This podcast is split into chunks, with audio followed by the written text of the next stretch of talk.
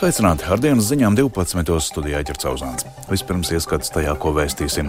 Ukrainas parlaments gatavojas skatīt jauno mobilizācijas likuma projektu, kas paredz arī samazinātu iesaukumu vecumu. Reģiona lielākajā turisma izstādē Baltūra šogad īpašu uzmanību pievērsta ceļotāju stāstiem. Latvijas kamaniņu braucēji Vācijā un bobslē divnieks Siguldā cīnās par medaļām. Par šiem un citiem tematiem turpinājumā plašāk.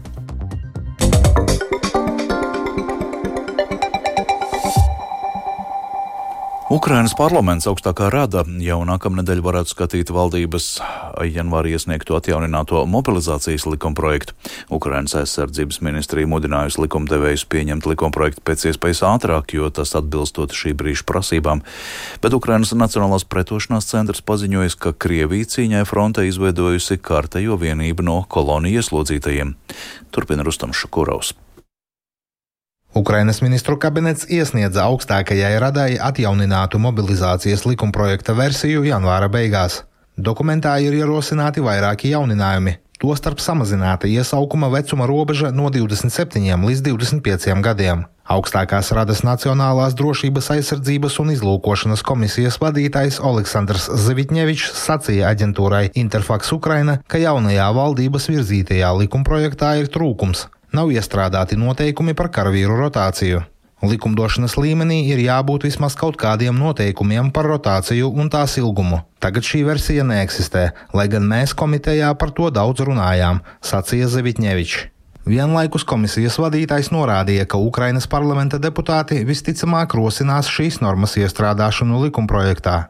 Ukrainas aizsardzības ministrijas preses un informācijas departamenta vadītājs Ilarions Pavļuks tikmēr norādījis, ka likumprojekta apspriešana demokrātiskā valstī ir pilnīgi normāls process. Viņš gan piebilda, ka kara apstākļos Ukrainai nav daudz laika, tāpēc ļoti vēlams, lai pēc iespējas ātrāk mēs sāktu kustēties, lai notiktu balsojums par likumprojektu. Viņš atzīmēja televīzijas kanāla We Ukraine ēterā. Saskaņā ar Ukrainas aizsardzības ministrijas pārstāvja teikto, atjauninātais mobilizācijas likumprojekts ir gana efektīvs bruņoto spēku papildināšanai un nostiprināšanai. Pavļuks arī dzen uzsvēris, ka šis dokuments atbilst mūsdienu prasībām un ir ļoti svarīgs. Він містить ключову норму про визначеність терміну служби. Tajā ir ietverta būtiska norma par dienesta termiņa noteiktību, proti 36 mēneši par šiem 36 mēnešiem, jo nevar veikt nenoteiktu distanci. Neskaidru distanci ir ārkārtīgi grūti veikt. Mēs ļoti labi saprotam, ka tas ir viens no svarīgajiem faktoriem, piesaistot cilvēku armijai. Uz cik ilgu laiku es dodos armijā? Šī noteiktība ir ļoti svarīga, un likumprojektā ir arī citas normas, kas ļaus šo noteiktību nodrošināt, padarot pašu mobilizācijas mehānismu efektīvāku, saprotamāku un caur caurskatāmāku. Ja likumprojekts tiks pieņemts, Ukrainā tiks atcelts obligātais militārais dienests. Tā vietā tiks ieviestas obligātās militārās pamatapmācības personām vecumā no 18 līdz 24 gadiem, kas ilgs ne vairāk kā 5 mēnešus. Turklāt pēc mobilizācijas visi pilsoņi divus līdz trīs mēnešus izies obligātās militārās apmācības. Tāpat likumprojekts paredz, ka pēc mobilizācijas personu uzreiz nevarēs nosūtīt uz fronti.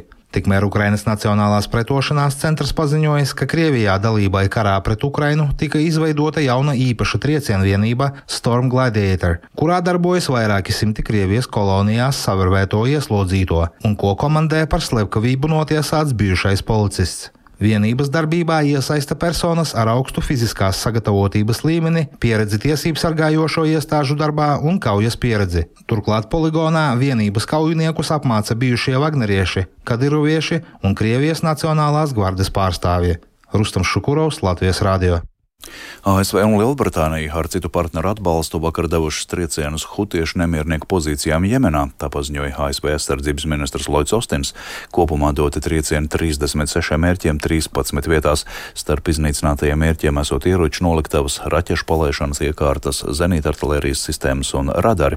Ostins paziņoja, ka trieciena mērķis bijis vēl vairāk mazināt kaujinieku iespējas uzbrukt ārvalstu kuģiem, kas tranzītā šķērso sarkano jūru.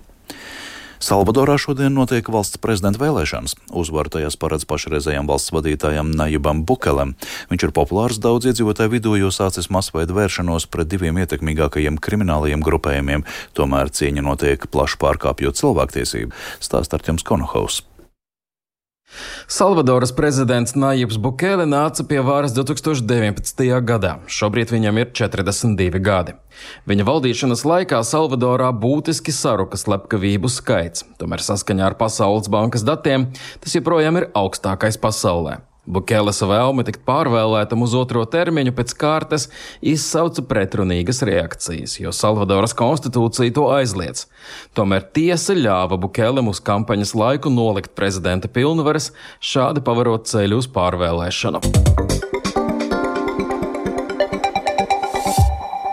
Rīgā Ķipsels hallē šodien noslēdzošā diena lielākajai reģionu turismu izstādē Baltūra, kas norisinās jau 30 gadu, trīs dienu garumā piesaistot ceļojuma aģentūras, aviokompānijas, viesnīcas, viesu namus un turismu informācijas centru darbiniekus gan no Baltijas valstīm, gan tālākām valstīm. Kas jauns šogad izstādē, noskaidro devās Ieva Puķa. Lūk, Kuala Lumpura, Singapūra, un es domāju, tagad visas divas gadus sapelnīšu naudu Singapūrā un braukšu atpakaļ amfībijas taisīt uz Latviju. Totāli izgāšanās, vienkārši nepatika Singapūra. Man uh, uzvanīja draugi no, no Londonas, vai ķīnieši, kas pārvākšies uz Šankaju. Viņi saka, hei, brauc uz Šankaju, taisam kantoru Šankajā. Es viņam saku, jā, ok, tikai pagaidiet trīs mēnešus, kamēr es aizbraukšu līdz Šankajai, jo es nu, vienkārši nelidošu tā. Nu, tā es arī uh, vienkārši iekāpu ritenī un joprojām turpināju ceļus. Aigars Lauzis, kurš gan vakar, gan šodien ar lekciju par ceļojumu uz velosipēdu no Londonas līdz Tokijai uzstājas turismu izstādē Ķīpselā, šeit piedalās gan kā stāstnieks, gan viens no uzņēmējiem. Piedāvā turismu pakalpojums. Viņa firma ražo divriteņus, amfībijas, un šī būs otrā vasara, kad tos varēs noīrēt uzņēmumu mītnē Smiltenes novadā, lai izmēģinātu darbībā vietējos ezeros. Izstādē var gan apskatīt inovatīvos transporta līdzekļus, gan vēl šodien satikt uzņēmumu komandu un, protams, pašu Aigaru lauzi. Mēs esam uzsākuši ražošanas līniju Valmjerā. Mēs sākām pieminēt to nomas punktu Smiltenē. Cilvēki brauc no Amsterdamas, Vācijas, Stokholmas. Mēs piedāvājam palikt nakšņot uz zemes, bet pārsvarā viss paliek uz ūdens. Mēs vienu vienību esam pārdevuši Šveices uzņēmumu uz Konstants ezeru, kas ir fantastiska vieta. Un arī viņi jau gaida, kad mēs viņiem varēsim sarežģīt traileru versijas. Izstādi, ko organizē Latvijas Turisma aģentu un operatoru asociācija un starptautisko izstāžu rīkotāja sabiedrība BT1, šogad apmeklēja arī valsts prezidents Edgars Rinkēvičs. Te risinājās Vidzemes augstskolas rīkotā konferences turisma pētījumu Latvijā, aktualitātes un nākotnes virzieni, kā arī tradicionāli tika pasniegta balva gada cilvēks turismā. Pirmo reizi izstādes 30 gadu vēsturē visu trīs dienu garumā ar stāstiem uzstājās kaislīgi ceļotāji, tādi kā sociālo mediju satura veidotāja Kristīna Virsnīte, ceļojuma grāmatu autors Zana Eniņa un Ilona Balode. Vēl šodien iespējams noklausīties arī Latvijas pīļu un mūžu pieredzes stāstus.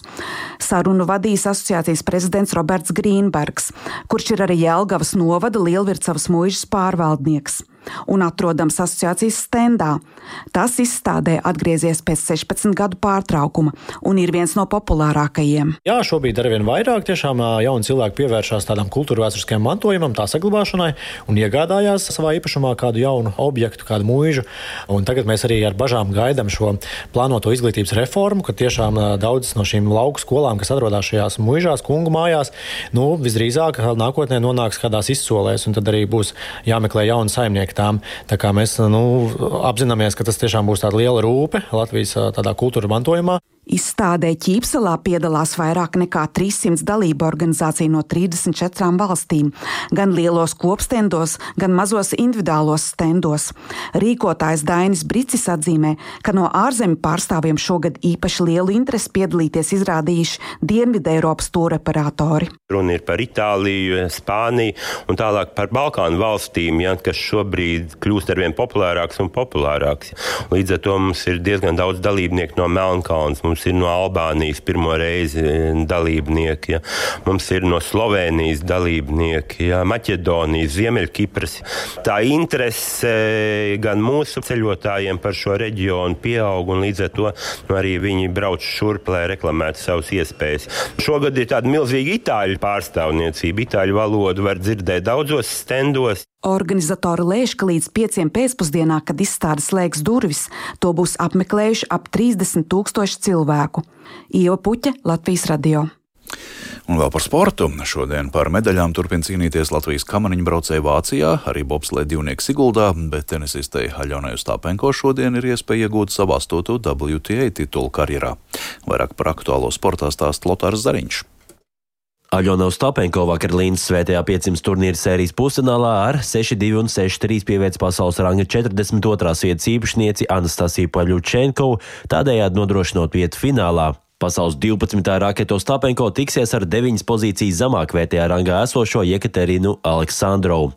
Par savu astoto VTA titulu karjerā Ostapenko spēli šodien uzsāks 15.00. Kamaniņu braucējs Kristers Aparjots vakar izcīnīja trešo vietu pasaules kausā piektajā posmā, savukārt Gins Bērziņš ierindojās 23. pozīcijā.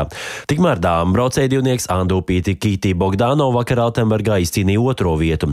Šodien uz starta dosies sieviešu viennieku dalībnieces, no Latvijas uz starta stāsies Sigita Bērziņa, Kendija Aparjoda un Elīnieva Vītola. Tāpat norisināsies komandu stafete, kurā šobrīd ir pieteikta Vītola, divnieks Mārtiņš Bots Roberts Plūme, Kristers Aparjots un divnieks Andūpīti Kītī. Margarītī Bogdānova. Pasaules kausa posmā Bobslējā divniekos mājas sienas nepalīdzēja vadošajai ekipāžai Emīlam Cipulim Dāvim Springim, kuri vakar Siguldā ierindojās dalītā astotā vietā. Tikmēr Latvijas otrā ekipāža Jākaps Kalenda un Dāvis Kaufmans finšēja 14. vietā. Šodien Cipuļu un Kalendas piltātās ekipāžas startēs Eiropas čempionātā un arī turpat Siguldā. Pirmais brauciens divniekiem paredzēts divos dienā. Vakar norisinājās pirmās sacensības jaunatklātajā Daugavas stadiona vieglatlētikas manēžā. Dalībnieku klāstu veidoja U-18 vecuma jaunieši, kā arī pieaugušie sportisti. Vismaz pirmajā sacensību dienā nekādi sarežģījumi nebija manāmi. Būtisks jautājums bija par virāžu stāvumu skrējējiem, uz ko atbildēja 300 metru skrējienu uzvarētāja Gunta Vaičule. Virāžas ir ok, priekš četru celiņu manēžas. Es vienmēr ar lielu, lielu baudu skrienu pa 5 un 6 celiņu, kas ir lielajās manēžās un čempionātos lielajos. Bet tā ir divas, trīs reizes gadā, biežāk nesenāk. Un tāpēc ja man jautā, vai šeit var skriet pasaules klases rezultātus, gan jau ka nē. Sevišķi apļa distancēs. Nu, pats pats galvenais šeit ir uh, treniņa iespējas. Un uh, tām šī manēža kalpo ļoti labi un man vispār nav kur piesieties. Vefrīga vakar ar pārliecinošu panākumu nodrošināja vietu Latvijas kausa basketbola finālā. Mēfam panākums ar 101-80 pret Vēnspili. Jau no spēles pirmajā minūtēm rīznieki izvirzījās vadībā un no pirmās ceturdaļas noslēguma pārsvaru arī noturēja visā mača garumā. Vienu brīdi esot vadībā pat ar 35 punktu starpību. Uzvarētāja rindās PJs Pipes go 21 punktu. 17. februārī Jālgavā Latvijas kausa finālā Vefs tiksies ar Rīgas zeļiem. Bet šovakar Dailas teātrī notiks Nacionālās kinobalvas lielais Kristaps pasniegšanas ceremonija. Balvas pasniegs 25 kategorijās, bet par mūža ieguldījumu suminās filmu mākslinieci Ieva Romanov. Skatītāja ceremoniju varēs vērot Latvijas televīzijas un portāla LSMLV tiešraidē. Plašāk stāsta Baiba Kušķa. Lielā Kristaba ceremonija šogad būs veidota kā multimediāla izrāde, kas atklās skatītājiem filmu veidošanas aizkulises. Tās laikā uzzināsim laureātus 25 kategorijās. Visvairāk nomināciju veselas 12 šogad ir daudzsēriju filmai Padomju džinsi, 9 nominācijas piešķirtas spēļu filmai Melnais samts, bet nominācijām bagātākā dokumentālā filma ir Latvijas kots Einaratīvs, kas uz balvu pretendē sešās kategorijās kategorijās. Kuras filmas tiks pie visvairāk godalgām, to uzzināsim ceremonijā, kas sāksies pēc deviņiem vakarā. Līdz ar to izskan dienas ziņas 12. tās producēja Edgars Kopčs, par labskaņu rūpējās Lūdzu Grīnbergs un Mārtiņš Paeglis studijā Ģercauzāns. Yeah. Kā ziņo Latvijas vidus geoloģijas un meteoroloģijas centrs, Rīgā šobrīd 4 grādi, brāzmaiņas ziemeļrietumu vējš līdz 10 metriem sekundē, atmosfēras spiediens 748 mm, relatīvais mitrums 61%. Šodien Latvijā mākoņdienas laiks vietām skaidrojas, atsevišķās vietās iespējami īslaicīgi nokrišņi. Rietumu dienvidrietumu vējš 6,11 m2, piekrastē brāzmās līdz 19 m2. Gaisa temperatūra 1 līdz 5 grādi.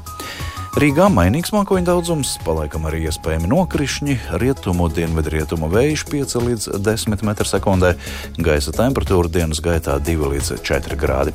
Bet laika tips šodien otrais, un tas ir labvēlīgs.